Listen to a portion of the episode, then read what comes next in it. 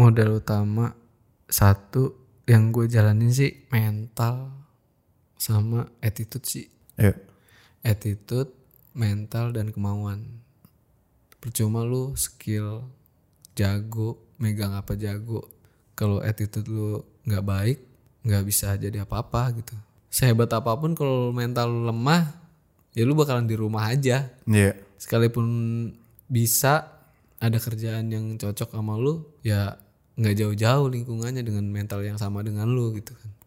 Dan kemauan kemauan lu nyampe mana nih? Pengen jadi itu gitu. Satu lagi konsisten. Ah. kalau lu nggak konsisten orang ragu. Reunion Podcast.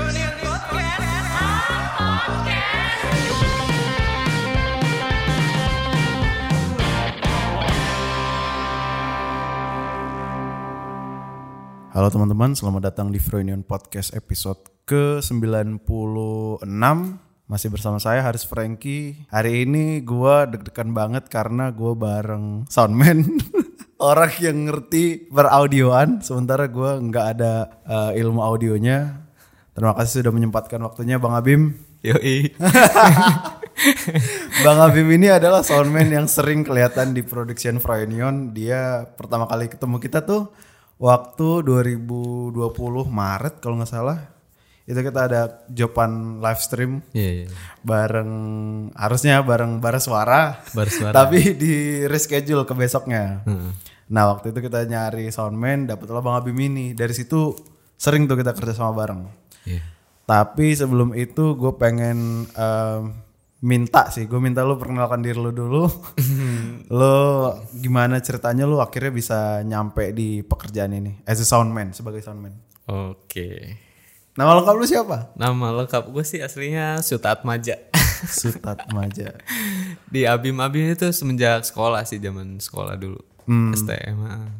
sekarang kerjaan ya jadi freelancer Soundman ya. soundman eh nyoba buat ya konsisten aja di, di jalan itu gitu Udah berapa lama lu jadi soundman, Bang? 2015 2015 6 tahun ya? Iya sekitar Sudah 6 tahun enam berarti. tahunan ya? Itu pun sebelum di soundman emang awalnya dulunya gue di apa namanya di musik karena kan dulu sekolah di musik juga. Kenapa lu milih jurusan musik kuliahnya? Gue sebenarnya lulus STM ya. Iya. Dulu sekolah malah STM dari sekolahnya STM. Udah bengkel tuh, mesin. Heeh, belok banget sebenarnya dari dari STM dari sekolah ke kuliah tuh sebenarnya mah bersimpangan gitu kan. Akhirnya nah dari SMP tuh dari SMP aja dulu dari SMP tuh udah ngerasain gue tuh suka suka seni dunia seni gitu senang seni apalagi musik. Ah. Nah lulus SMP gue pengennya SMA tapi sama bokap sama orang tua tuh jangan ngapain nggak apa sekolah SMA kalau STM kan enak lulus sekolah langsung bisa kerja katanya kan. Namanya namanya orang-orang dulu lah gimana sih? Dia pengennya sekolah tuh ininya kerja. Padahal kan sekolah kan buat buat bukan buat kerja sebenarnya gitu kan. Nah akhirnya masuklah ke STM STM di Cikampek. Di Cikampek uh gila. Namanya sekolahan baru itu baru ada angkatan belum ada alumni malah. Oh, lu angkatan pertama. kedua. Kalau nggak salah kedua atau oh iya kedua. Kedua heeh. Karena gue ada di atas lagi. Itu sekolah negeri di Cikampek. Nah awal-awal bandel di situ tuh mulai mulai mulai bandel. Masuk sekolah STM emang pengennya SMA akhirnya kayak kepaksa gitu di STM itu. Kebagian lah masuk sekolah udah stabil masuk sekolah ini masuknya siang. Jadi ada pagi ada siang. Nah, dari situ kan namanya orang saking banyaknya, ada anak pagi, ada anak siang. Biasalah kalau anak pagi keluar, anak siang masuk, bentrok dikit. Oh. Kayak yang baru Tunjuk-tunjukkan, kayak yang- lihat-lihatan. ah, kayak kayak gitu. Padahal masih satu atap gitu, Iya, tapi pada ego gitu, pada inilah pada nyari muka, Jiwa pengen, muda lah Nih ya." gua nih gitu kan. Iya, oh, nih gua nih gitu kan. Iya. Akhirnya ya udahlah, ada teman yang ribut-ribut kayak gitu. Ada sebagian yang kayak gitu suka ribut. Nah, ini udah mulai ngarak Iya, sama iya, gua nih. boleh, boleh. Iya. Jadi sebelum gue masuk STM itu sebelum besoknya suruh kan gue ngekos udah ngekos itu. Dari SMA kos STM. Iya, uh-uh. Jadi dari rumah tuh ke Cikampek tuh jauh kan, nggak mungkin kalau bolak balik. Mhm. Jadi gue dikosin tuh. Nah anehnya besoknya mau jalan, mau di pondok, mau dikosin gitu, mau pindah lah gitu. Gua mau dianterin sama bokap, bokapnya kakek lah. Bokapnya kakek tuh dateng ke rumah, Hmm. bawa sepeda. Itu jaraknya jauh loh. Dia orang dulu kan kuat-kuat ya Iya. dulu pernah ke Banten dari Kerawang ke Banten itu nak pakai sepeda ke mana-mana pakai sepeda dia. Nah itu kemarin dia datang ke rumah waktu itu. Datang ke rumah datang sore gue lagi main kalau nggak salah belum belum sempat eh iya lagi main pulang maghrib tiba-tiba ada dia kan salaman apa. Eh pas malam-malam habis sholat isya dipanggil. Mungkin dia udah tahu kalau gue tuh mau di mau sekolah jauh gitu mau di- mau pindah lah dari rumah eh, mau dikosin. Tiba-tiba dipanggil ke samping rumah nih di bangku bilang dikasih tahu apa gabah tahu nggak beras beras beras yang belum digiling. Yang masih mentah yang baru metik itu beras-beras kayak gitu. Segini nih segumpalan tangan, tangan. suruh ditelan. Anjing. nih buat bekal katanya. Hah? Kirain gue buat bekal buat dibawa nih apain? Taunya telan cuma dikasih air gelas kecil doang. Gabah di- langsung ditelan sama itu diminum sama air. Kan itu kan lumayan ya apa kalau ada serat-seratnya gitu Iya, kayak ada duri, duri gitu. Hmm. tapi lancar gitu langsung masuk gluk terus nanya gue ini supaya apaan? Udah buat bekal. Jangan jangan coba-coba ini katanya. Jangan coba-coba jangan sombong. Intinya jangan sombong jangan gimana-gimana. Soalnya lu mau jauh takut ada apa-apa gitu kan namanya sekolah STM takut ribut atau apa kata dia gitu kan. Lu nggak cerita nih ke bokap nyokap lo? bokap nyokap tahu. Yang dikasih gabah ini tahu. tahu karena dia emang udah tahu si abah ini abah kan gue manggilnya. Iya, iya. Si Bahanan ini namanya Bahanan. Bahanan ini emang orang pin bukan pinter ini ya, emang pinter emang orang dulu lah gimana sih? Eh, kayak sakti gitu lah ibaratnya. dia tahu makanya dia nitip mungkin makanya gua kayak gitu dikasih itu. Mungkin pesan dari dia kali udah tuh si Abim si Suta mau ini nih gitu mau sekolah jauh. Bah tolong dibekelin dikasih apa kek? Mungkin dia gitu kan. Iya, iya, gue nggak tahu tahu tahu makanya tahu tahu habis sholat isya di- dipanggil suruh gitu aja. Nah dia bilang sayang abang nggak bawa mimis. Mimis tau nggak? Enggak. kayak yang apa sih yang di roda itu yang kecil-kecil bola? Ah ya, ya kayak roller. nah itu yang kecil. Nah kalau dia bawa itu mau dikasih itu juga gua suruh ditelan juga. Untuk apaan juga? kayak peluru gitu kan kecil kan. Iya, Ah, ah, suruh ditelan. nah itu katanya sih buat kebal anti bacok kayak kayak gitu. Bentuknya nih kayak apa? Kayak besi, besi. besi ah, ah, yang yang buat sepeda atau motor gitu. Nah si gabah itu sama besi itu suruh ditelan karena dia lagi nggak ada jadi kasihnya itu gue di gabah doang udah itu aja. Jangan coba-coba dicoba katanya. Jangan coba-coba dicoba dicoba kan bahasa Sundanya di di sama kak tuh kan dicoba kacau eh, eh dicoba kesengaja apa dicoba tuh beda gitu Ah, ah, ah. Kak tuh kan Edi itu adiknya Kak. Kak itu kakak, di itu adik gitu. Jadi jangan coba-coba ngelangkahin si Adi ini jangan ngelangkahin kakak gitu. Jadi Kak sengaja sama dicoba tuh beda tadi gitu kan. Kesengaja nggak sengaja mah kan kesengaja mah maksudnya nggak sengaja kesengaja. Hmm, melindungi gitu. Ah, ah, kalau nggak sengaja kan melindungi, kalau dicoba mah kan dia tuh kita Nantang. kayaknya sombong ah, Iya, nantang. Nah, nantangin. akhirnya itu ah. Oke, oke, oke. jangan coba-coba dicoba tadi gitu kan intinya jangan sombong jangan ini pesan dia cuma gitu doang pas udah gitu Nah, lu kan masih mau SMA. iya Digituin emang nggak jadi petantang petenteng tuh. Istri itu itu belum Iya lah anak SMA. iya udah gitu kan gue bandel ya Iyalah. Ba- na- nakal nakal cowok lah bukan nakal, Cowok. gimana ah. Paling ngapain sih seks bebas? enggak, enggak, enggak, enggak, enggak. Enggak. Paling tawuran lah. Kayak kayak gitu nah nggak tahu dah tuh besoknya dianterin mondok di Cikampek eh di apa bukan mondok ngekos ngekosnya tuh rumah di komplek di perumahan jadi ngeko- nyawa rumah enam orang di situ senior gue empat gue angkatan gue berdua gue masih Heru namanya teman gue itu Oh, emang kenal. Heeh. Ya udah. anak satu kampung juga bareng sama dia tuh berdua saya dianterin masuklah wah ternyata sebelum gua kayak gitu anak-anak mah sama kayak gitu juga Oh, semuanya udah dibekelin. dibekelin kayak gitu juga tapi ada yang dia nyari sendiri ada yang emang kebanyakan sih nyari sendiri dia gitu. Kalau gua kan nggak nyari ya. Nggak tahu gua mah nggak biasa ngebahas soal kayak gitu karena gua masih polos jujur kalau ilmu kayak ilmu ilmu kayak gitu nggak tahu gitu kan. Ah nggak paham. Pas udah mulai stabil sekolah ribut apa soalnya kalau pul- anak basis gua tuh basisnya anak-anak Bekasi. Jadi kalau dia di Cikampek pulang ke Bekasi tuh rawan banget. Entah di kereta atau di bis pasti ketemu gitu sama musuh. Jadi mereka pada buat ngelindungin diri intinya. Jadi ah gua harus pakai ini nih biar gue selamat gitu kan. Maksudnya biar gue ada apa-apa kalau lagi pulang sendiri takutnya ketemu musuh ya kayak gitu sih niat baiknya mah gitu kan. Cuma akhirnya wah ternyata pada cerita gitu gue nguping-nguping. Wah kayak gitu ya. Berarti gue yang kemarin itu masih untung. Gue diem nggak ngomong. Oke. nggak ngomong. Mereka nggak tahu nih lu nggak punya. tahu. Eh, Heeh. udahlah.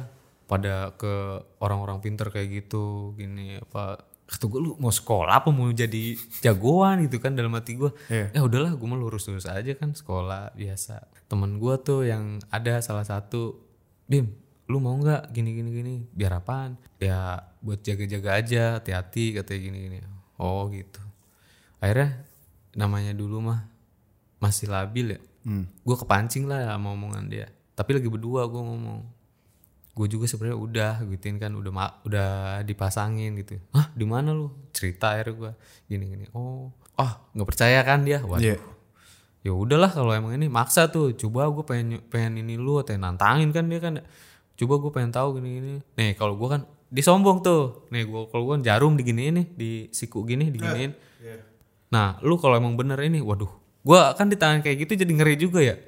Senior gue soalnya dia kalau emang bener so- soalnya apa bahaya lu katanya. Lu kalau pulang sendiri gini gini pokoknya bahaya lah kalau ketemu musuh. Labil ya dulu ya. Mau nggak mau ya. Heeh. ya udah coba gue pengen tahu. Giniin tuh jarum. Bener patah. Gue lipat gini tep jarum patah tak. Dia juga sama. Nih gue nih tak dia dulu sih awalnya. Udah. Nah di situ gue langsung eh no kan nama gue eh si Grandong namanya. Gue nggak tahu loh kayak gini. Demi allah gue nggak pernah nyoba kayak gini loh waktu gue tuh udah ah lu jangan bilang siapa-siapa ya tuh tuh. Gue nggak mau ini nyampe gimana gimana gitu kan. Gue ntar anak-anak gue jadi ini lagi jadi apa sih namanya? Gue kan kalau kayak gitu kan oh si itu tuh jago ini apa nanti ini. gue jadi kepala batunya gitu suruh ke depan terus takutnya gitu. Akhirnya gue diem diem aja. Dia juga untungnya orangnya bisa dipercaya. Ya udah dia punya gue punya ya udah gue kalah sama dia mau nggak biar apa nggak nggak nyombong nggak gimana gitu. Iya. Belum ada yang tahu lah ya. Heeh, dan gue melu apa menghilangkan mindset gue tuh udah di ada udah diisi Kenapa? karena kalau gue kalau gue ngerasa gue udah di ini gitu ngingetin itu terus takutnya jadi sombong takutnya jadi ah gue udah di ini ini itu takut petantang petenteng Bijak juga lo waktu umur berapa itu. emang apa ya emang gue dari dulu orangnya ngalah sih sebenarnya. Nggak mau ribut intinya itu kan. Nggak- nggak mau ribut dan gue akhirnya gue nggak mau ngomong soal kayak gitu gitu.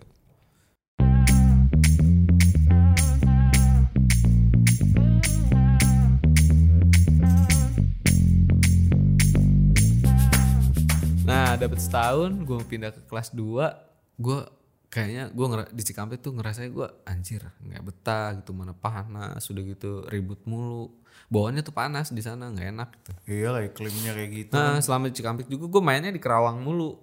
Kalau ini larinya ke Kerawang. Biasa cewek main. Iya di sana cowok mulu soalnya jenuh. Akhirnya gue nyari ke Kerawang biasalah. Tergoda sama mulai sama cewek tuh. Gue pengen gak mau ribut-ribut. Ah gue mesti mending bandel pacaran deh daripada ribut Iya gitu sih, kan. iya sih. gue mesti mending pacaran aja lah nyari cewek nyari cewek. Udahlah sering main ke Kerawang sekolahnya jarang.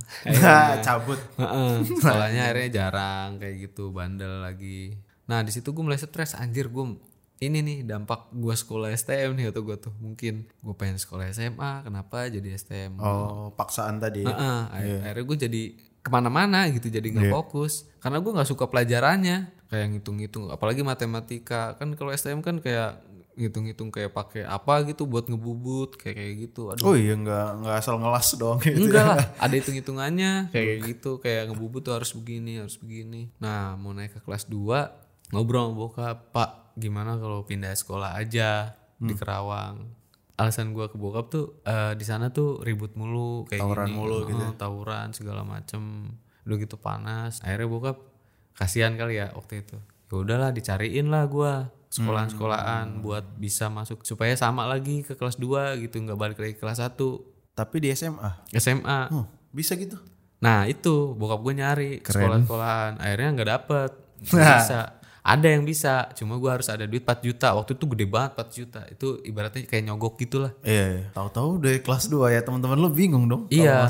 heeh. Jadi gue tuh pengennya kan kelas 1 nih lulus di STM. Gue pengen naik pindah ke sekolah jadi di STM tuh kelas 2 gitu. Jadi nggak balik lagi ke situ. Nggak ngulang ya. Heeh. Kan beda pelajarannya emang iya sih nggak bisa gitu kan. Dulu kan ego lah biasa harus ada uang segini bapak nggak sanggup kata gitu kan. Ya udah solusinya gimana? Ya udahlah pak pindah sekolah STM lagi nggak apa-apa tuh gitu. Yang penting gue nggak mau di Cikampek. Hmm. Gitu tuh sampai ada yang ini ya, Pak, meninggal gitu. Kalau selama di Cikampek nggak ada sih. Nah pas pindah ke Kerawang Wah, Kan gua ya- malah lebih parah. lebih parah ternyata Lu mau, mau damai malah. iya gue ngindarin ribut gue Iya. pindah ke Kerawang Ini sekolah baru lu ini tahu mereka lu punya ilmu. nggak Oh. nggak tahu sama sekali gue nggak pernah cerita kalau soal itu karena gue udah ngelupain juga nah gue mikirnya karena gue bandel cewek juga takutnya Hilang tuh. nah eh, Oh, kan zaman dulu gue nggak terlalu memahami soal apa sih kalau maksiat tuh begini nanti punya apa jadi hilang. Gue nggak tahu. Nah gue tuh udah nggak mikirin soal itu. Waktu udah pindah udah lupain aja. Takutnya bawaan dengan ada yang gue pikiran ada bawaan itu gue jadi pengennya bandel mulu gitu. Ya pengennya ribut mulu gitu. Takutnya kayak gitu. Tapi kalau lu ngerasain nonjok gitu kalau atau batu yang lu lempar kena orang pernah? belum pernah sih. Ah, terus lu ngapain tawuran? ya itu gue seru-seruan aja kita larian.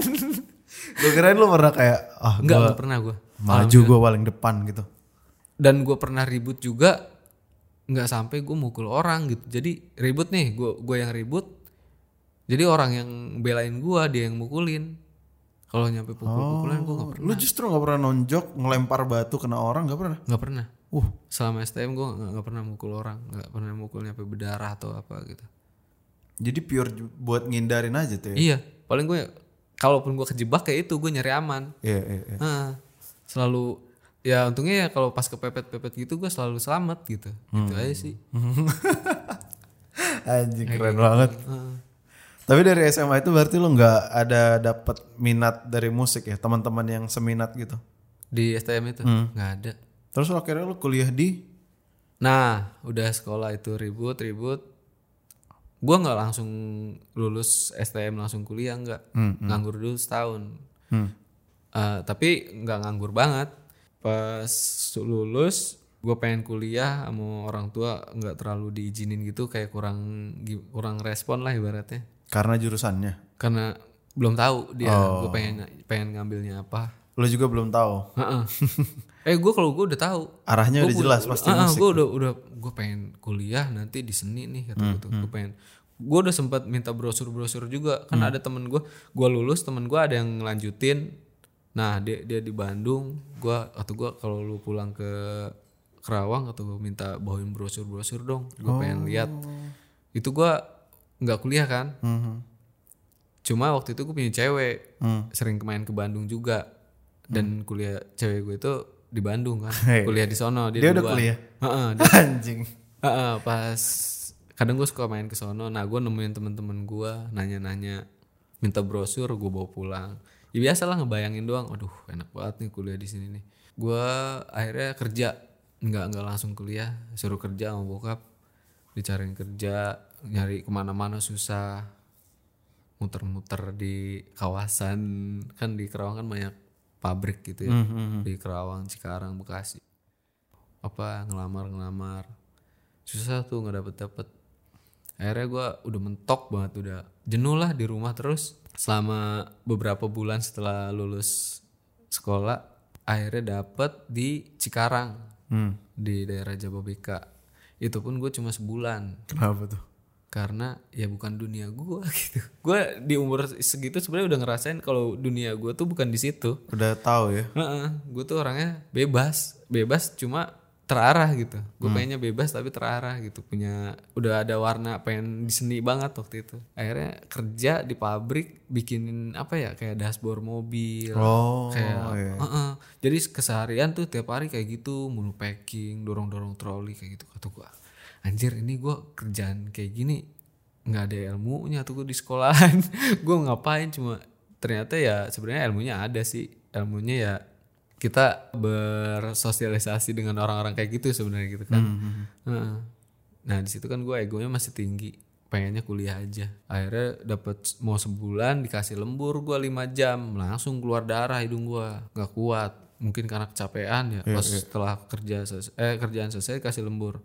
Mau balik ke toilet pas keluar dari toilet temen gue lihat "Su- hidung lu berdarah tuh. Cewek yang lihat kan wah iya gue giniin. Wah gue begini aja. Wah mimisan panas badan gue langsung kan ada jemputan naik jemputan bus gitu pulang ke kontrakan.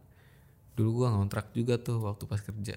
Pas besoknya gue udah ngajuin buat resign. Hmm. gue bikin surat resign gue titipin temen gue kata gue besok resign ah. Gue nggak bilang orang tua lagi. Eh, langsung aja cabut. Hmm. nah gue udah cabut langsung pulang ke rumah. Kenapa berhenti? Wah orang tua gue marah. Udah kasih kerjaan udah dapet kerjaan bukannya ini gitu sakit pak gitu kan gini, gini. kemarin kasih lembur gini orang tua gue ya gimana sih orang tua gue tuh nyuruhnya gue tuh bokap tuh gue kerja kerja gitu kerja ya Apa yang aja jelas gitu. gitu, yang jelas maksudnya kalau kayak di pabrik kan jelas Jangan ada, seni gitu ada ya. ini heeh. akhirnya ah nah gua makin termotivasi lagi pas gue tuh punya cewek waktu itu kan kuliah di Bandung Hmm. Yang bawa-bawa brosur itu. Heeh, enggak yang sempat apa sih lama juga gue pacaran sama dia yang, yang pernah gue doain itu Udah merit? Heeh, udah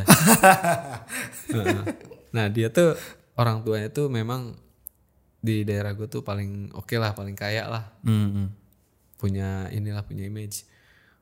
Nah, gua main dia pas liburan pulang ke liburan ke rumah, gue main. Nah, gue makin termotivasi pas diomelin sama orang tuanya itu. Orang tuanya cewek ini. Heeh. Dibilang apa?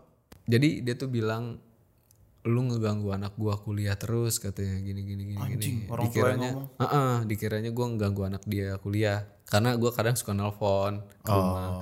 Ya cuma nelpon doang kan. Oh. Iya. Ya, mungkin ya gitulah orang-orang tua dulu nggak tahu emang dia padahal gue udah kenal udah akrab tapi pas ke sini sininya dia tuh kayak yang mulai nggak suka sama gue jadi dia tuh ngomel-ngomel muka gue ditunjuk-tunjuk Anjing.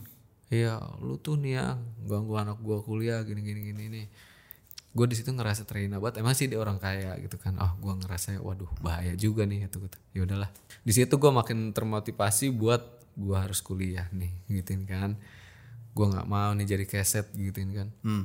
gue nggak mau nih apa ibaratnya gue dapat cewek nanti suatu saat yang ininya di atas gue gitu Hmm. Iya. Gue pengen ya gue cowok gitu pengen bisa mimpin dia gue udah punya pikiran ke situ akhirnya gue yaudahlah gimana gue ngangkat derajat gue nih gitu kan Iya. gue pengen kuliah sama orang tua nggak terlalu didukung gue kerja nggak bisa di kerjaan kayak gitu Hmm. gue sering beli majalah tuh waktu itu apa majalah gaul gitu tau nggak Iya. zaman dulu gaul kayak kayak gitu Tahu tahu. tahu. tahu kan 2004 gue lulus lulus itu tuh 2004 lulus STM dulu lagi lagi marak-maraknya tuh majalah kayak gitu belum ada sosmed Iya. Ya referensi dari situ doang ya. gue baca ada kayak casting gitu Hmm. Eh, terus kayak yang ini model ikutan model kayak kayak gitu Oh, oke, ya tahu. gue daftar lah di situ majalah apa iya gaul deh kalau nggak salah gue majalah gaul gue beli tiap minggu kan keluar ya tiap Iya, hari apa gitu ya. hmm. Gue ngisi gue kirim. Ke kantor pos gue ngisi gue kirim. Ngisi biodata. ngisi biodata sama foto segala macam gue niat. Nah gue ngirim kirimlah ke Jakarta. Nggak lama dipanggil. Lah? Heeh. wah gue dipanggil nih kata gue posisi gue apa gue bingung harus gimana gitu kan. Nah gue punya kak punya kakak cewek ya dia udah kerja. Dia dia ngekos juga ngontrak. Gue curhat sama dia cuma dia doang yang bikin gue ini nih yang bikin yang agak mendukung mendukung gue gitu kan. Gue bilang gini gini ikutan ini ya allah lu ada ada aja tadi gitu kan. Dimodalin sama dia yaudah nih kasih duit. Waktu itu dua setengah tuh gede banget dua ratus lima puluh ribu Iya. lari gue ke Cikarang belanja baju apa. Dandan lah. oh, oh, Iya. dandan. Biar kelihatan enak lah gitu kan. Gue beliin baju besok gue jalan ke Jakarta. Gue belum tahu tuh Jakarta kayak gimana. Tahu cu tahu cuma dulu kan sama orang tua mulu kan ya kalau ke Jakarta ya yang ini baru kali ini gue sendiri gitu kan Umur berapa nih Bim? umur berapa gue lulus sekolah 2004 berarti gue Di bawah 20 lah ya. masih 20-an atau 2020 gitu lah. Gue ke Jakarta naik bus. Kalau sama orang tua sih sering ya. Kalau sendiri tuh belum pernah. Pernah juga sama teman paling pakai motor. ya itu tuh bener-bener yang ke Jakarta apa tujuannya kayak gitu tuh aneh ya ini banget gitu. Baru tantangan banget buat gue anjir sendiri. Nah gue tuh di situ kayak ada yang nuntun. Hah? kayak ada yang nuntun. Dari ya lu bayangin 2004 kan udah lumayan rame lah Jakarta nggak udah udah modern gitu kan. Gue yang bikin gue takut karena sering ada berita-berita yang kejahatan kayak gitu doang. Tapi di situ gue gue lupain yang kayak kayak gitu gitu.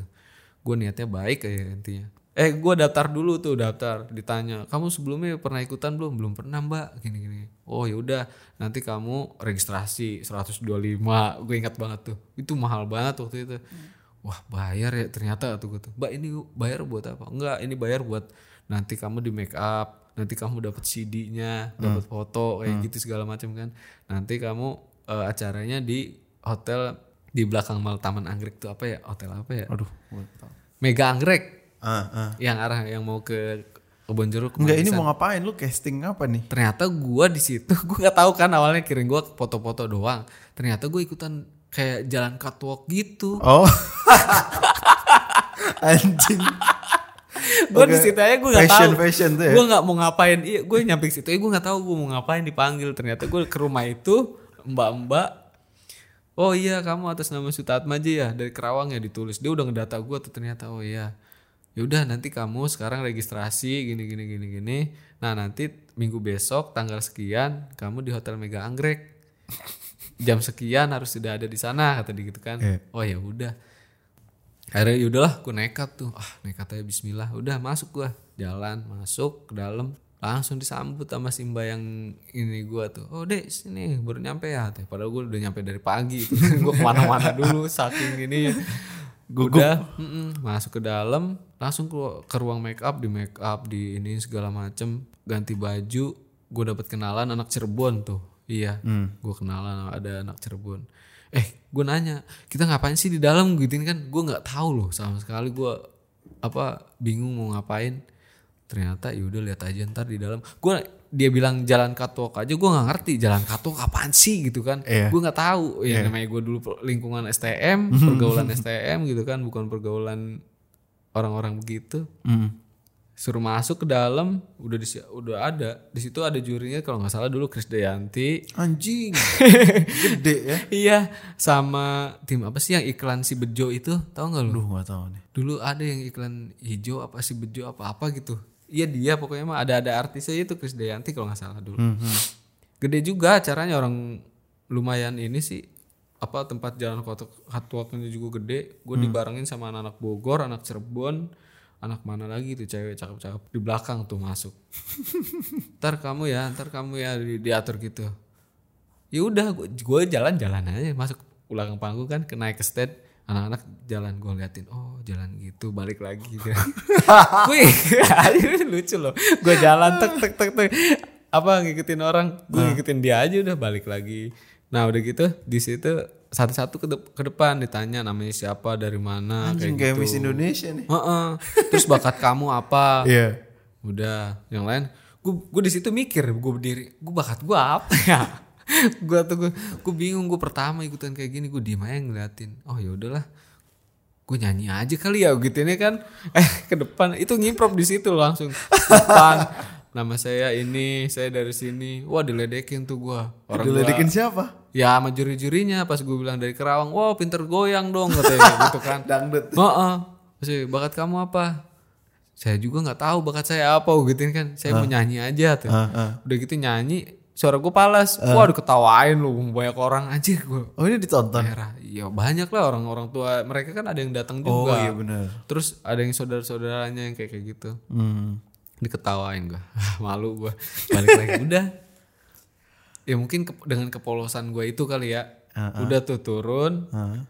dapat biasa naik lagi bareng-bareng dikasih penghargaan piagam kayak gitu Hmm. udah balik lah gua nanti dikabarin lagi kalau lolos katanya kalau ada tahapan lagi Oh, ternyata. seleksi ternyata. Heeh, ada tahapan lagi. Pas gue di Bandung telepon yang di Jakarta nelpon. Hmm. Heeh, nelpon ngasih tahu se nyokap gua apa siapa ya yang nerima waktu itu. Iya dia nerima nggak tahu tuh dia kaget "Ah, ikutan apaan ya anak gua kan? Nah udahlah. Lo nggak cerita juga. ah ah, gua nggak cerita juga pas gue balik lagi dari Bandung cerita tuh nyokap gue kemarin dari telepon gini gini gini. Oh gitu. Wah dari Jakarta itu gue cerita kan. Ikutan apaan emang? Nggak tahu iseng aja kemarin ikutan ternyata ikutan model gituin kan. Ketawa kan nyokap gue waktu itu. Ada-ada aja lu katanya ya. Udahlah akhirnya pas ini pas gue dapet dua hari di rumah telepon lagi. Iya kalau nggak salah dua hari di rumah dia nelfon lagi. Nah itu gimana? Mau dilanjut apa enggak? Kata orang apa agensinya itu. Soalnya ini ada batas waktunya kalau emang kamu mau lanjut registrasi sekian nanti kamu di karantina. Heeh, soalnya buat biaya di hotel gue di karantina selama kalau nggak salah tiga hari atau berapa hari gitu kan. Dipersiapkan lagi. Heeh, nanti kamu di situ dilatih buat foto dilatih buat acting dilatih ini itu segala macem kata dia. Iya, iya. kamu beruntung katanya apa intinya gue beruntung lah gue ada di bagian itu dari sekian Sampai banyak tahap orang segitu lah ya. Heeh.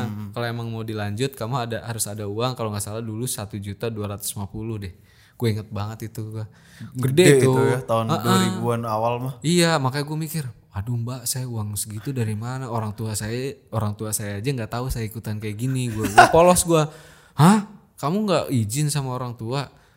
Enggak mbak, tuh tuh gini. Saya kan kirain saya cuma foto-foto doang gitu. Ternyata di sana ikutan lomba begitu. Oh ya udah, kamu pikirin lagi aja. Ah. Heeh. Kalau enggak kamu sekarang cerita sama orang tua kamu ngobrol. Akhirnya ya udahlah. Nah, gue mikirnya kan gue baca-baca berita juga kadang suka hati-hati penipuan segala macem kan. Bener. Terus ada juga di TV kadang eh, TV-TV lokal dulu kan ada TV lokal yang apa sih zaman dulu tuh yang hati-hati dengan penipuan yang kayak kayak gitu kan ada agensi-agensi yang nipu. Nah ini tuh gue pikir kayaknya ini bukan nipu deh ini resmi gitu kan soalnya emang dia tuh acaranya aja gede gitu kan terus dia berani manggil artis. Iya. Nah orang tua gue di situ gue cerita percaya dia. Terus gimana? Orang tuh oh bokap bokap gue tahu juga tuh si nyokap gue tuh cerita ke bokap. Hmm. Ya ampun. Nah itu kebenaran di rumah lagi ibaratnya lagi susah lah, nggak ada duit gitu kan, nggak ada duit. Kalau emang ada duit masuk aja. Eh nyokap gue itulah kalau nyokap ya gila dia sampai bela-belain mau minjem sama tetangga buat gue supaya ya udah ke Jakarta pergi nih uang. Tapi gue di situ udah mutusin, udah nggak nggak mi itu gitu nggak usah lah, nggak usah. Gue nggak mau nyusahin gitu kan. Gue mau nyari kerjaan yang jelas aja lah dipaksa dia yaudah ikutan aja lanjut aja lagi gue di situ udah ngedon takut gue Takut kenapa? antara takut ya du, ya dunia kayak gitu kan gue gue nggak bisa buta. Nggak tahu apa-apa juga ya. gue takutnya dia ngemodalin berani ngemodalin gue takutnya ngecewain gitu kan. Iya, Akhirnya, udahlah nggak usah lah. Padahal waktu sehari ada waktu sehari lagi gue buat supaya ikutan gitu supaya ini dikasih tuh diizinin sama orang tua gue Akhirnya gimana? akhirnya gue udah gue lepas Drop? aja drop gue akhirnya nggak nggak gue lanjut. Nah yang barengan gue ini anak Cirebon Hmm. sukses dia. Pas gue pas gua kuliah kalau nggak salah ya sama ada dua orang yang kembar. Eh bukan kembar. Ada yang anak Bogor. Gue sering ngeliat dia di iklan. Heeh, Cewek cowok? yang anak Cirebon juga sama. Cewek cowok cowok, cowok, ya? yang cewek itu ada sering di iklan juga. Tuh gue lah ini anak yang ini. Ya. si piagam itu juga masih ada sama gue mau gue simpan buat kenang-kenangan. Yang pertama itu. Ya. waktu itu ah, pas gue kuliah pas apa setelah setahun kemudian gue sering lihat anak itu tuh di nih anak gue inget nih anak dulu pernah ikutan ini sama gue dan dia tuh emang kalau ikutan kayak gitu kan tahapnya bukan di situ aja ya. Ya. ke mana aja gitu harus sering ikutan.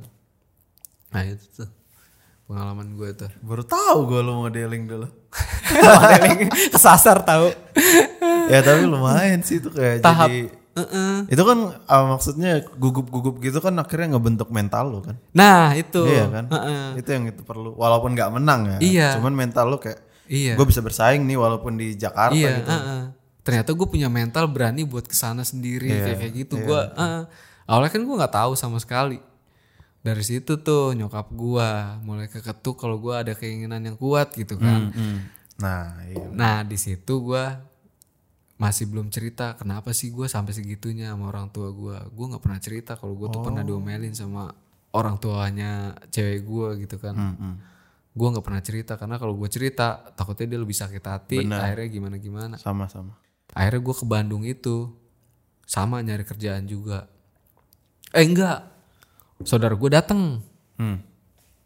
Eh dulu zamannya eh Kapolri apa Kapolri atau apa gitu. Jadi gue kan ada saudara gue ini deket lah sama Pak Dai Dai Bahtiar dulu. Zamannya dia masih menjabat itu. Woi. Nah si uak gue ini Eh iya uak gue ini dekat Bukan deket lagi sih udah kayak saudara gitu kan.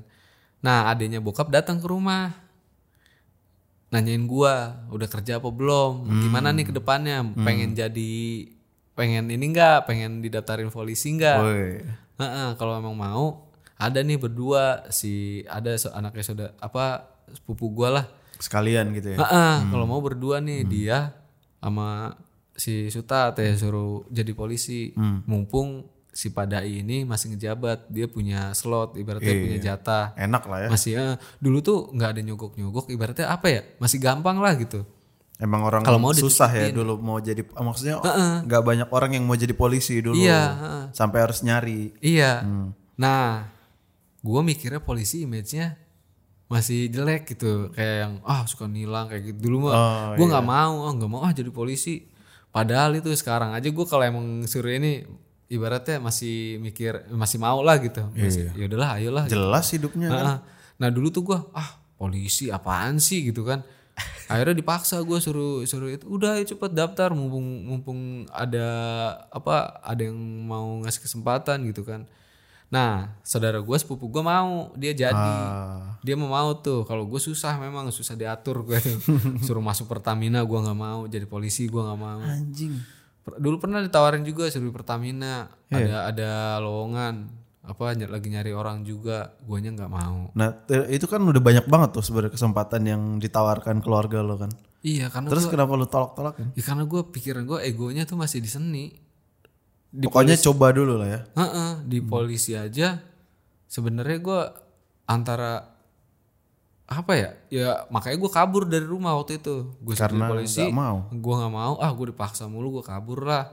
Ribut juga kan gue kabur ke Bandung. Lama tuh gue di Bandung ada sekitar dua mingguan gitu. Nah di Bandung gue sambil sambil nyari kerjaan. Dapat kerjaan jadi sales anjir. Jadi sales seminggu gue nyari kosan ngekos dibantuin dulu cewek gue itu dibantuin sama dia akhirnya cuma dua hari gue masuk ah enggak ah ngapain gue suruh jualan apa gitu jualan cuma sistemnya kayak apa sih Door to door. Iya, kayak lu jualan nih. Eh, lu kerja nih di sini tapi lu harus jualan ini gitu. Jadi hasilnya tuh bonus. Buat gaji lo gitu-gitu lah. Eh. Akhirnya gua nggak bisa jualan. Ya udahlah, gue berhenti aja cabut. Akhirnya ya luntang lantung di Bandung gak jelas. Kenapa lu bisa sesuka itu sama musik? Sampai berapa kali lu ada kesempatan ini itu sampai lu kabur dari rumah kuliah ngambil jurusan sendiri itu kenapa sih? Zamannya gua waktu itu zamannya musik lagi naik-naiknya, musik kayak zaman-zaman Se- Sela lagi senang-senangnya kan. Ini 2000 berapa nih? 2000. Gue SMP tuh Silent Seven udah ada loh. Iya. 2000 tahun 2000 kalau nggak salah. 99 2000 kan Sil- Silent Seven lagi naik-naiknya kan lagi rame-ramenya. Nah, gue terinspirasi dari band-band itu, zaman Sela, Wayang, terus si banyak lah kayak Gigi yang Indonesianya terus Dewa 19. Dewa 19, Jamrut. Iya. Tuh gue SD aja udah seneng, seneng sama lagu-lagu Jamrut kayak kayak gitu sebenarnya. Nah, termotivasi itu gue tuh pengen jadi kayak mereka gitu.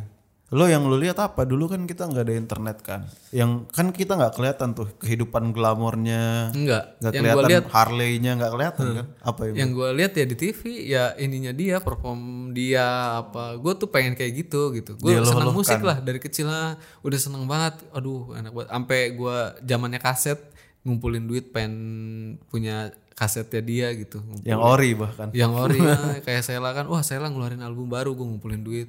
Kalau bokap gua kan gua kan di kampung ya. Kalau bokap gua ke kota pak nitip nitip nih uang ada segini buat, beli kasetnya si ini. Ya dibeliin sama dia. Kurang nih duitnya segini mah teh. Ya udah tambahin kadang sampai segitunya gua tambahin sama dia dibeliin kaset. Setiap ada Sela keluar lagi dibeliin lagi. Terus jambrut seleng zamannya kayak gitu. Oh iya sih. Wah kalau seleng dampaknya kayak gitu juga. gue kalau seleng dari temen gue akhirnya gue jadi suka seleng kayak kayak gitu.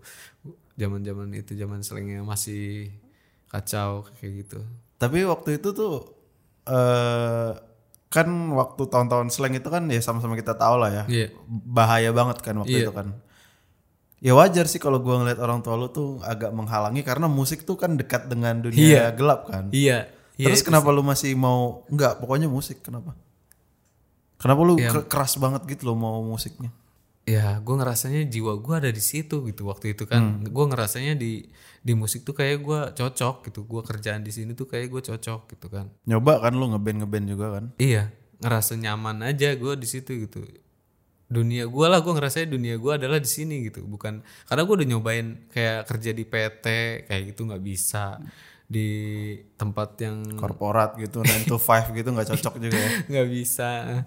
Sampai udah udah lulus waktu kuliah juga gue nyobain jadi pernah gue ngajar di sekolah. Oh jadi guru musik? Jadi guru kagak bisa gue karena gue biasa dengan bahasa gue yang bebas bahas eh kehidupan gue yang gla, bukan glamor ya apa ya yang bebas gitu lah. Gue nggak biasa diatur yang pakaian gue yang nggak mau terlalu rapi kayak kayak gitu menurut lu kenapa akhirnya lu udah jalan musik gue berhenti deh mundur? Nah itu. Pas gua lulus intinya pas lulus 4 tahun setelah lulus gua kerjaan gak jelas ngajar di oh kayak gitu selama hampir 4 tahun ya gua udah mulai mikir anjir gue gini-gini terus nih gue pengen punya ini. Udah mulai mikir tuh gue pengen punya kendaraan gitu. sebenarnya gue udah punya kendaraan waktu itu di, di- dibeliin motor sama bokap gue buat di Bandung. Cuma gue pengen ya gue tuh cowok gue pasti punya banyak rencana ke depan pengen merit lah pengen punya inilah pengen punya itulah pengen ya namanya orang hidup ya pasti banyak kebutuhan gitu. Gue mikir selama empat tahun gini-gini aja gitu setelah lulus di Bandung cukup buat bayar kos makan bayar kos makan. Udah akhirnya gue mulai mikir aduh ngapain usaha? Gue sampai minjem modal ke temen gue nih. Dia udah almarhum sekarang. Dia yang bang yang berjasa banget buat gue ngingetin buat gue waktu itu. Gue minjem duit sama dia sejuta buat jualan sepatu cewek. Ah, sendal wet kids gitu. Iya.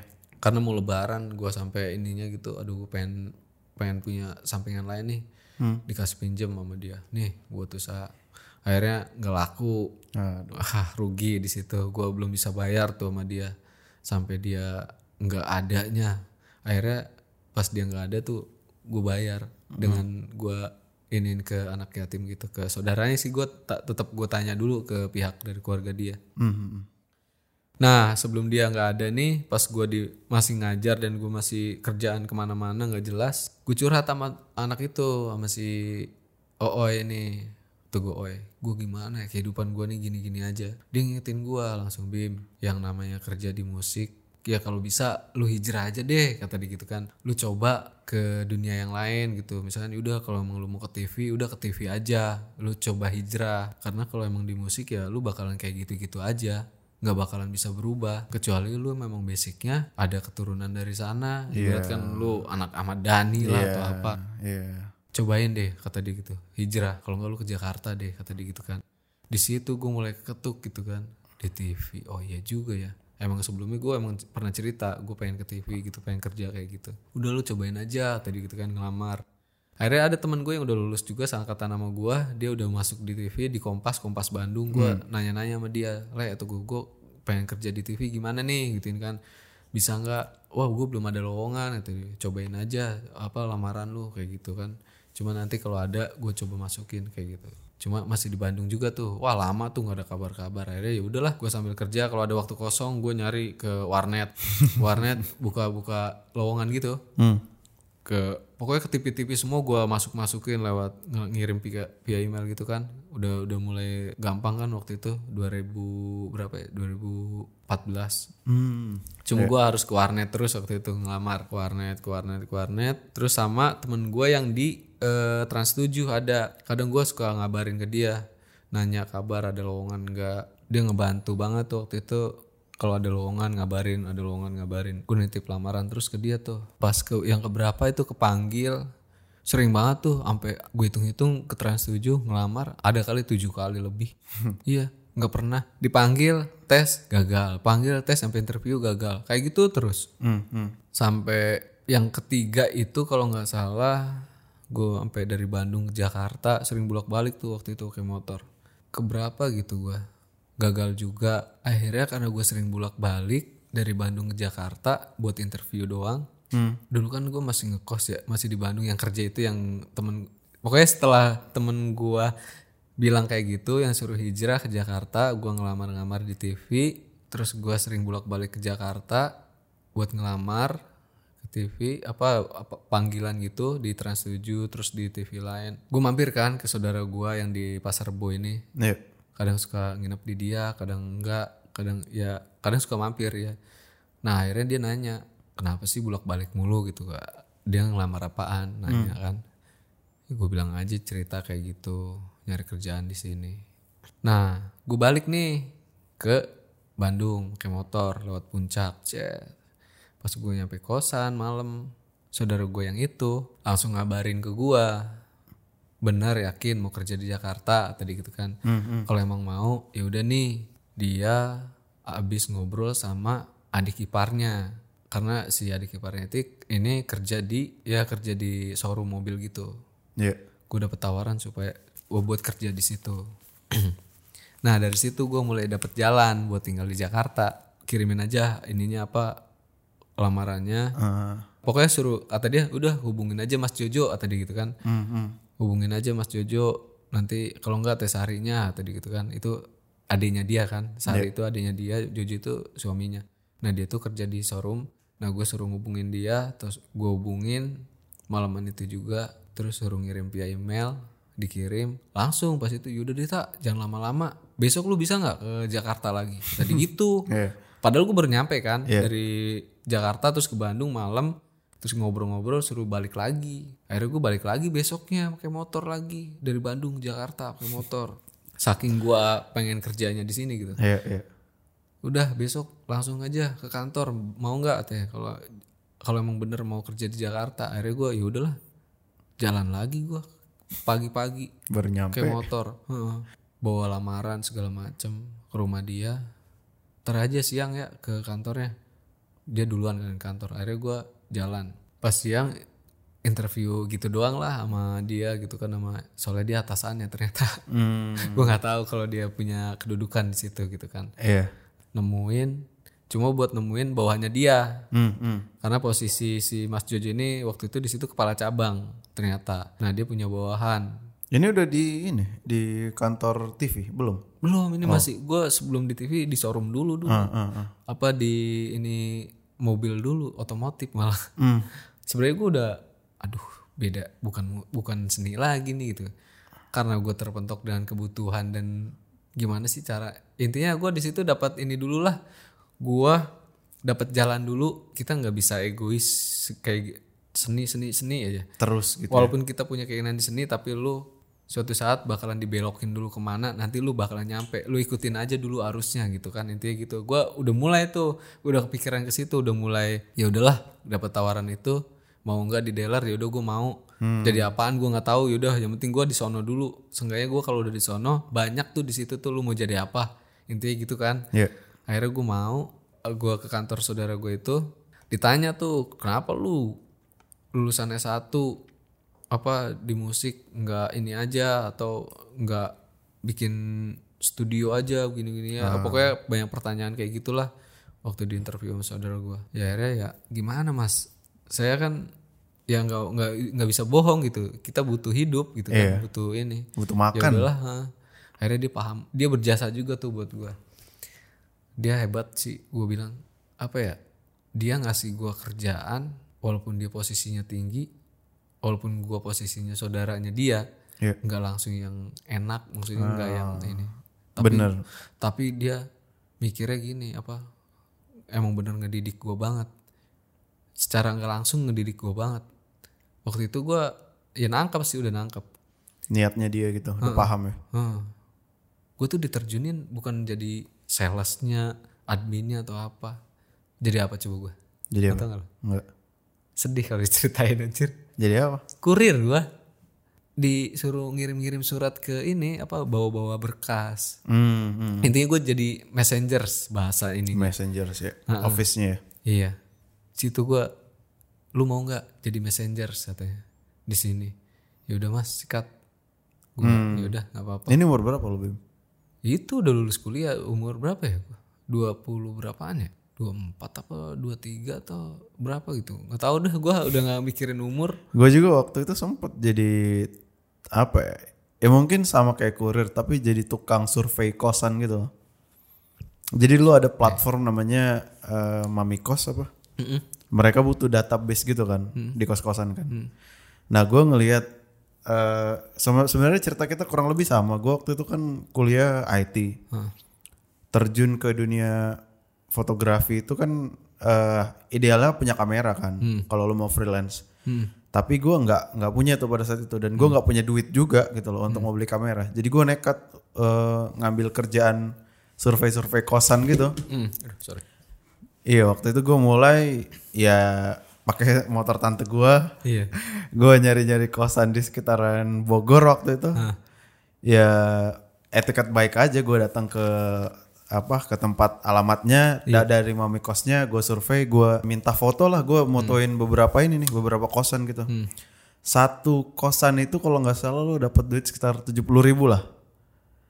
Cuman gue kan waktu itu belum kendaraan sendiri terus gue numpang di rumah tante gue kan. Iya. naik Scoopy juga. Jadi gue kayak oh nggak nggak kuat nih gue cuman gak ada jalan lain. Kalau gue nggak ngelakuin itu gue mungkin nggak bakal beli kamera nih sampai berapa tahun ke depan. Jadi gue bodo amat gue sikat aja lah. Nah tapi dari mulai punya kamera itu udah enak lah. Nggak tahu gimana kayak dapat jalannya lah gitu dikasih kerjaan sama cara Tuhan kerja gue nggak ngerti lah kan. Iya. ya akhirnya gue akhirnya sampai aja ke sini gitu.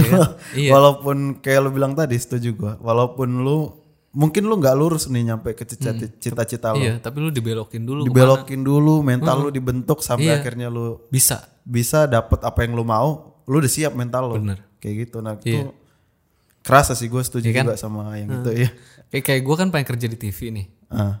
Tapi nggak ada cara jalan supaya langsung ke TV. Akhirnya saudara gue itu sepupu eh, kakak sepupu gue bilang besoknya gue langsung kerja. Kerjanya penempatannya bukan di daerah Jakarta juga lagi di Serpong. Makanya gue kalau lewat sini nih daerah sini nih Bintaro sini, Iya.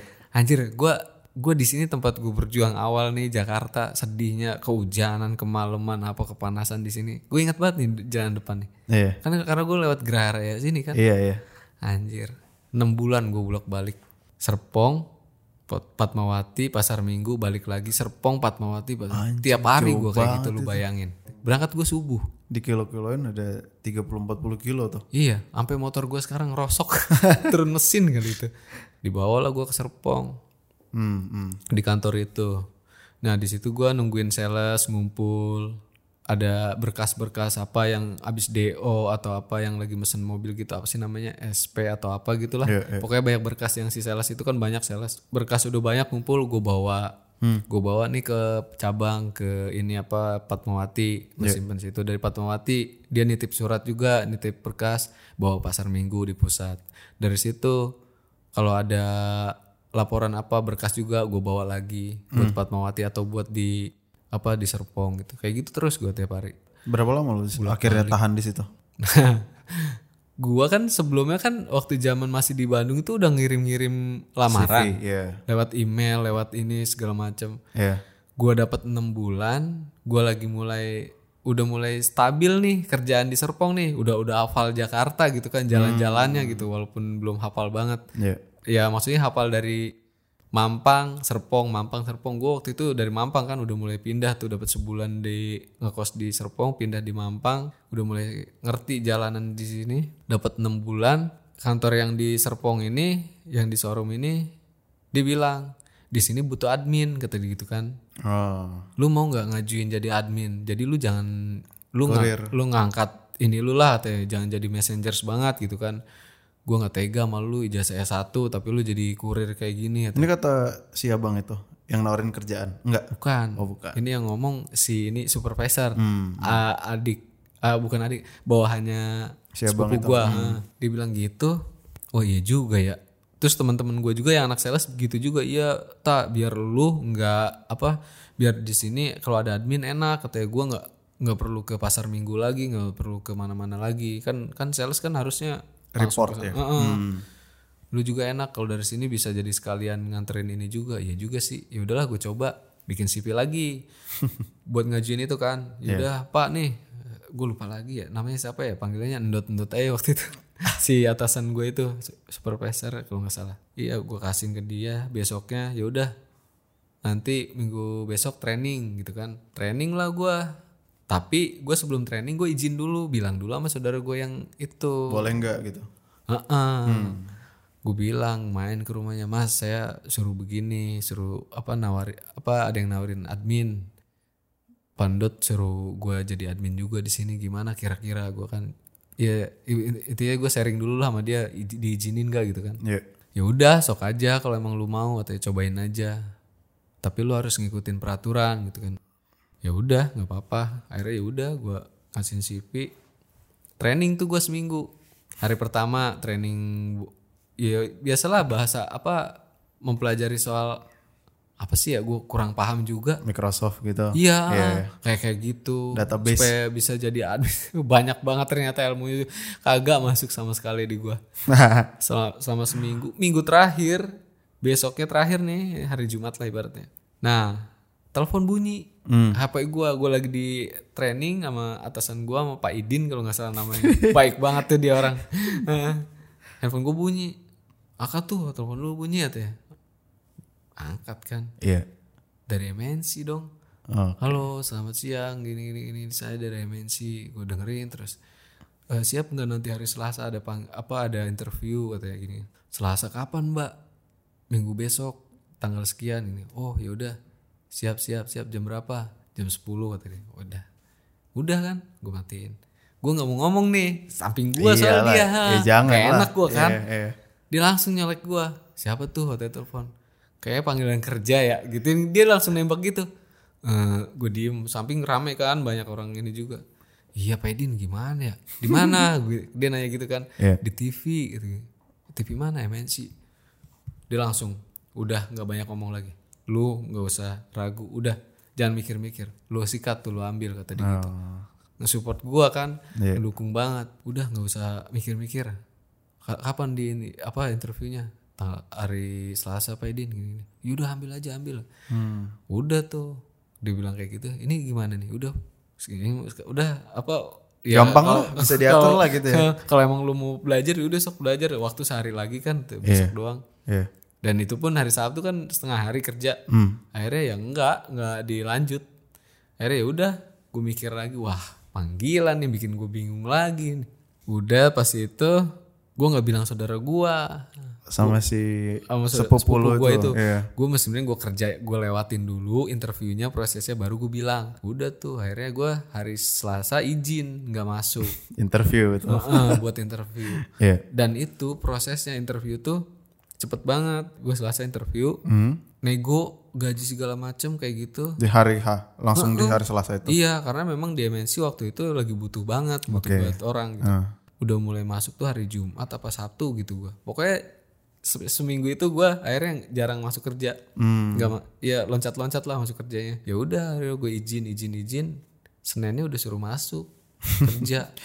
Seminggu doang ya prosesnya. Nah, akhirnya gue bilang sama saudara gue, ya di situ gue langsung, wah iya ya, gue ngerti banget nih saudara gue nih ngasih gue kerjaan ini, dia buat gue supaya tahu medan di Jakarta tuh kayak gini, jalannya di Jakarta tuh kayak gini, karena lu tuh kebiasaan di Bandung dulunya gitu kan, terus di Jakarta tuh nggak semudah itu lu dapetin kerja gitu kan, gue paham banget. Ya jadi artinya kita pengen menuju sesuatu tuh nggak mungkin langsung lurus gitu aja. Pasti dibelokin dulu ke mana yang di situ lu di banyak yang lu dapat eh, lu ditempa misalkan lu udah nguji mental lu pe- pembelajaran buat ke depannya gitu kan buat nanti di depan tuh ada yang lebih dahsyat lagi daripada lu pengen jadi itu gitu kan Setuju.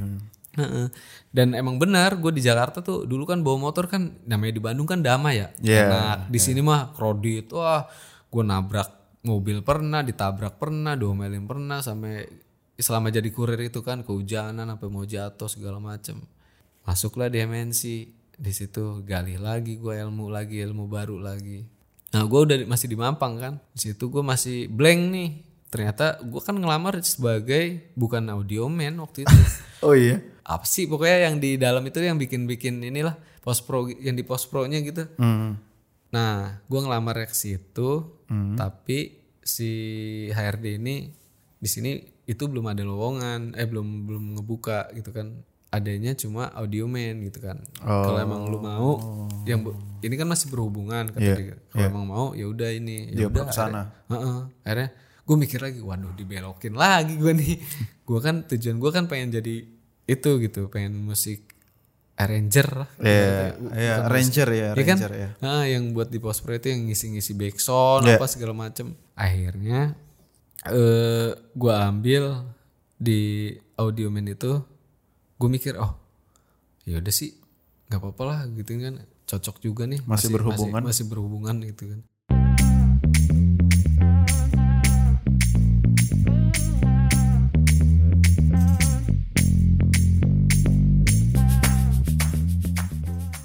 Berapa lama lu Bim megang internalnya eh, MNC? hampir dua tahunan kali ya gue di situ Cepet ya.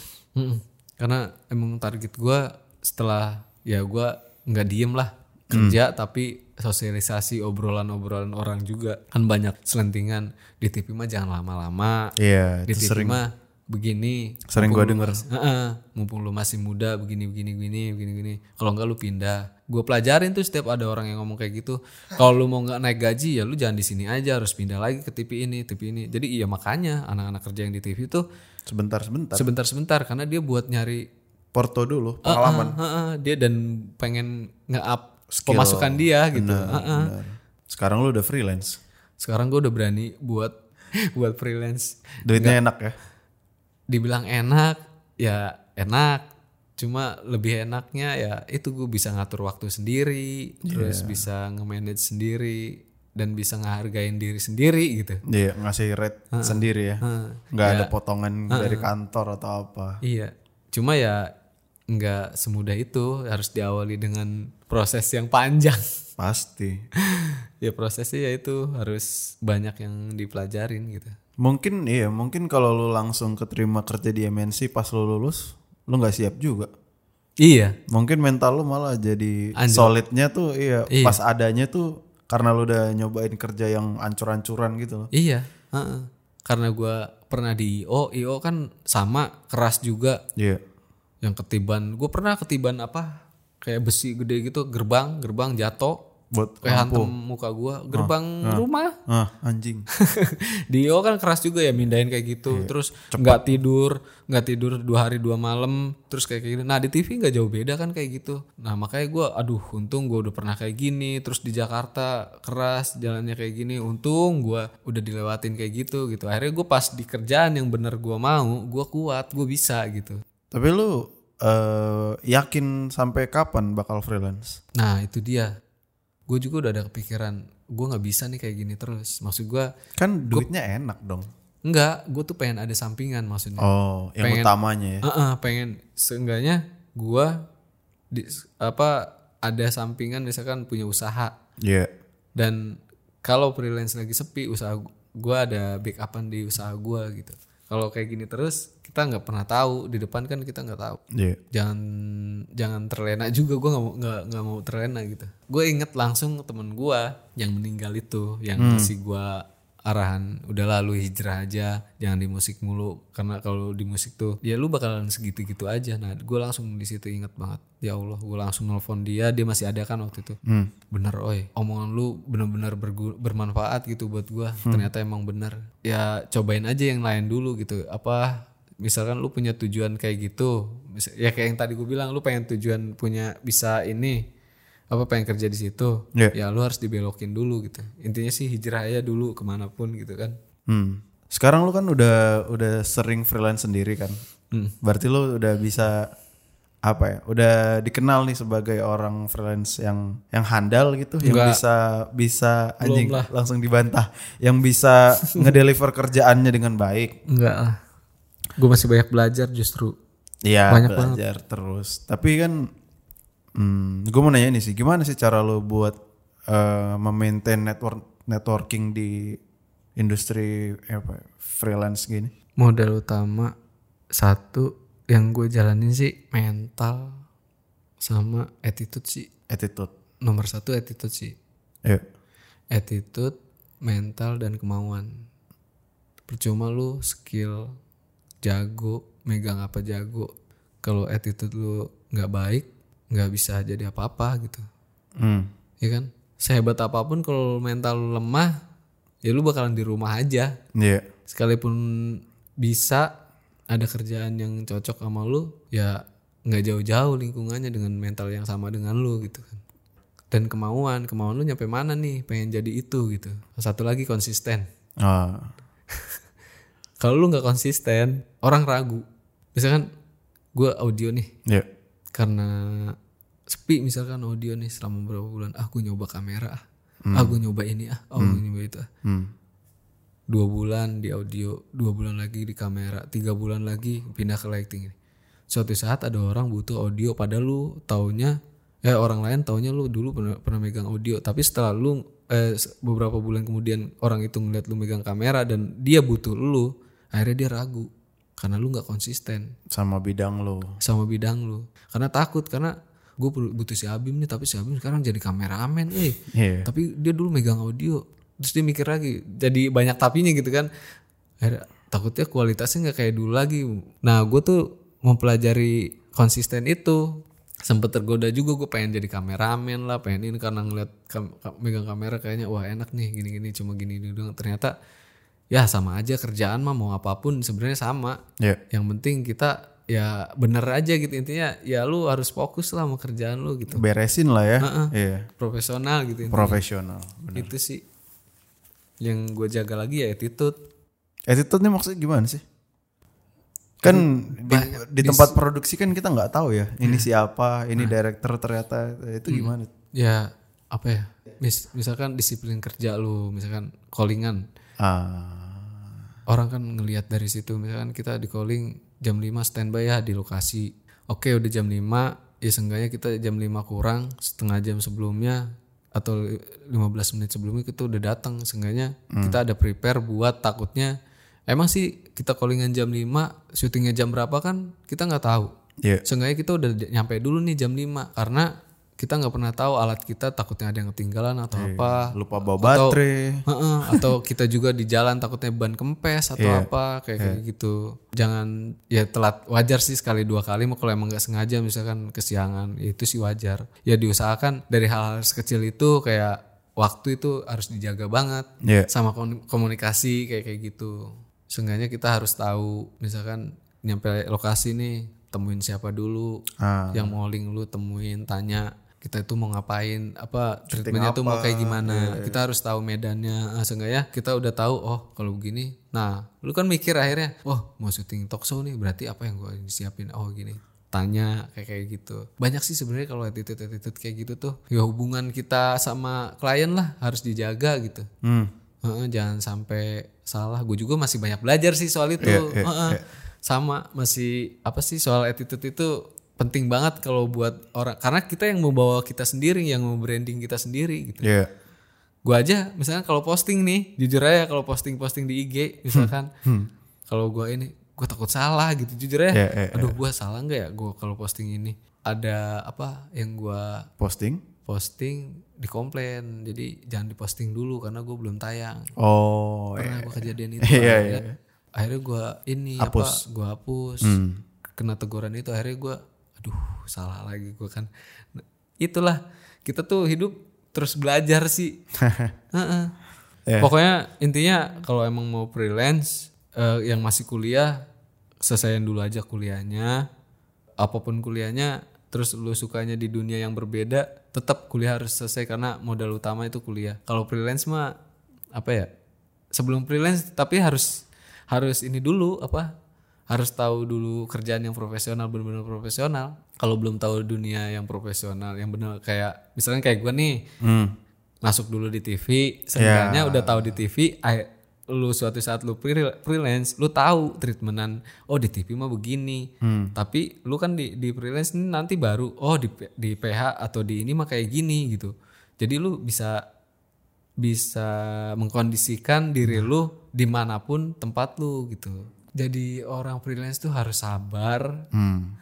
harus tahu bisa baca orang maksudnya baca tuh gini ah si ini orangnya kayaknya extrovert banget nih introvert banget nih nah itu harus hafal banget Hmm. Hmm. karena gue kebiasaan sering ketemu banyak orang dan dengan sifat yang berbeda-beda ya jadi sekarang udah biasa ngadepin orang nah harus sensitif dengan hal-hal kayak gitu Hmm. dan kita harus bener-bener supel membuka diri Ya.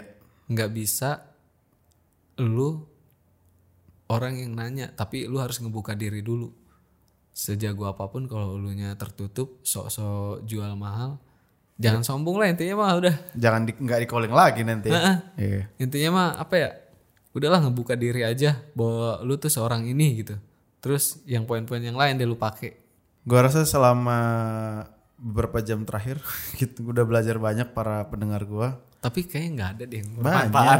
Ada. Sumpah. Ada, Bim. Lo j- nggak usah ini ya, nggak usah ragu. Gue yakin ada yang bakal belajar dari pengalaman lu, pengalaman gue juga mungkin. Intinya makasih banyak, Bim. Ada satu lagi mau Apa, gue apa? sampein. Apa, apa? Kalau jadi freelancer Apa tuh? yang bikin gua bikin apa ya tenang, Ah. insya Allah berkah. Hah. Usahain banyakin sedekah. Usahain hasil yang lu dapet kalau lu nggak sanggup 50 persennya lu sedekahin hasil dari apa yang callingan lu pertama. Misalkan hari ini nih dapat callingan dapat sekian, dapat 10. Kalau lu nggak sanggup 50 persennya buat sedekahin ya berapanya kayak lu sedekahin. Hmm. Insya Allah rezeki mah udah Tuhan yang ngatur. Yang penting lu konsisten. Kerjaan lu banyakin sedekah udah Ya, setuju sih. nggak pernah sepi. Alhamdulillah. Itu Itu gue pernah nonton di Raditya Dika dia pun ngomong gitu.